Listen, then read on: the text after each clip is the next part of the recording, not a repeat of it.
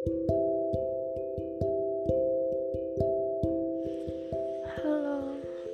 Assalamualaikum warahmatullahi wabarakatuh. Gue Rafina Landa dari Prodi Teknik Biomedis dari kelompok 24 Jujur ini podcast pertama gue, semoga kalian excited ya dengarnya. Podcast gue kali ini gue bakal bahas tentang my future plan. Kalian tipe yang mana nih? Hidupnya cuma ngikut alur atau kalian yang selalu punya rencana dan rencana kalian ke depannya?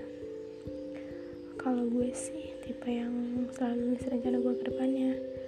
Karena gue tuh orangnya kurang konsisten sih.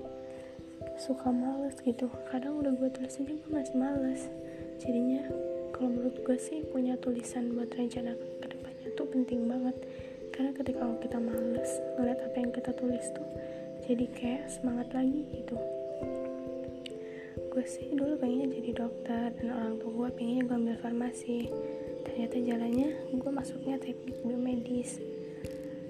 Planning itu ada tiga macam yaitu jangka pendek jangka menengah dan jangka panjang. Planning jangka pendek gue yaitu gue pengen dapet IPK yang bagus. Terus kalau planning jangka menengah gue sih gue pengen ikut organisasi di kampus karena apa ya gue tuh pengen jadi mahasiswa yang aktif. Karena pas gue di SMA gue tuh kurang aktif gitu. Karena gue tuh orangnya suka nggak pede suka malu udah suka insecure duluan gitu.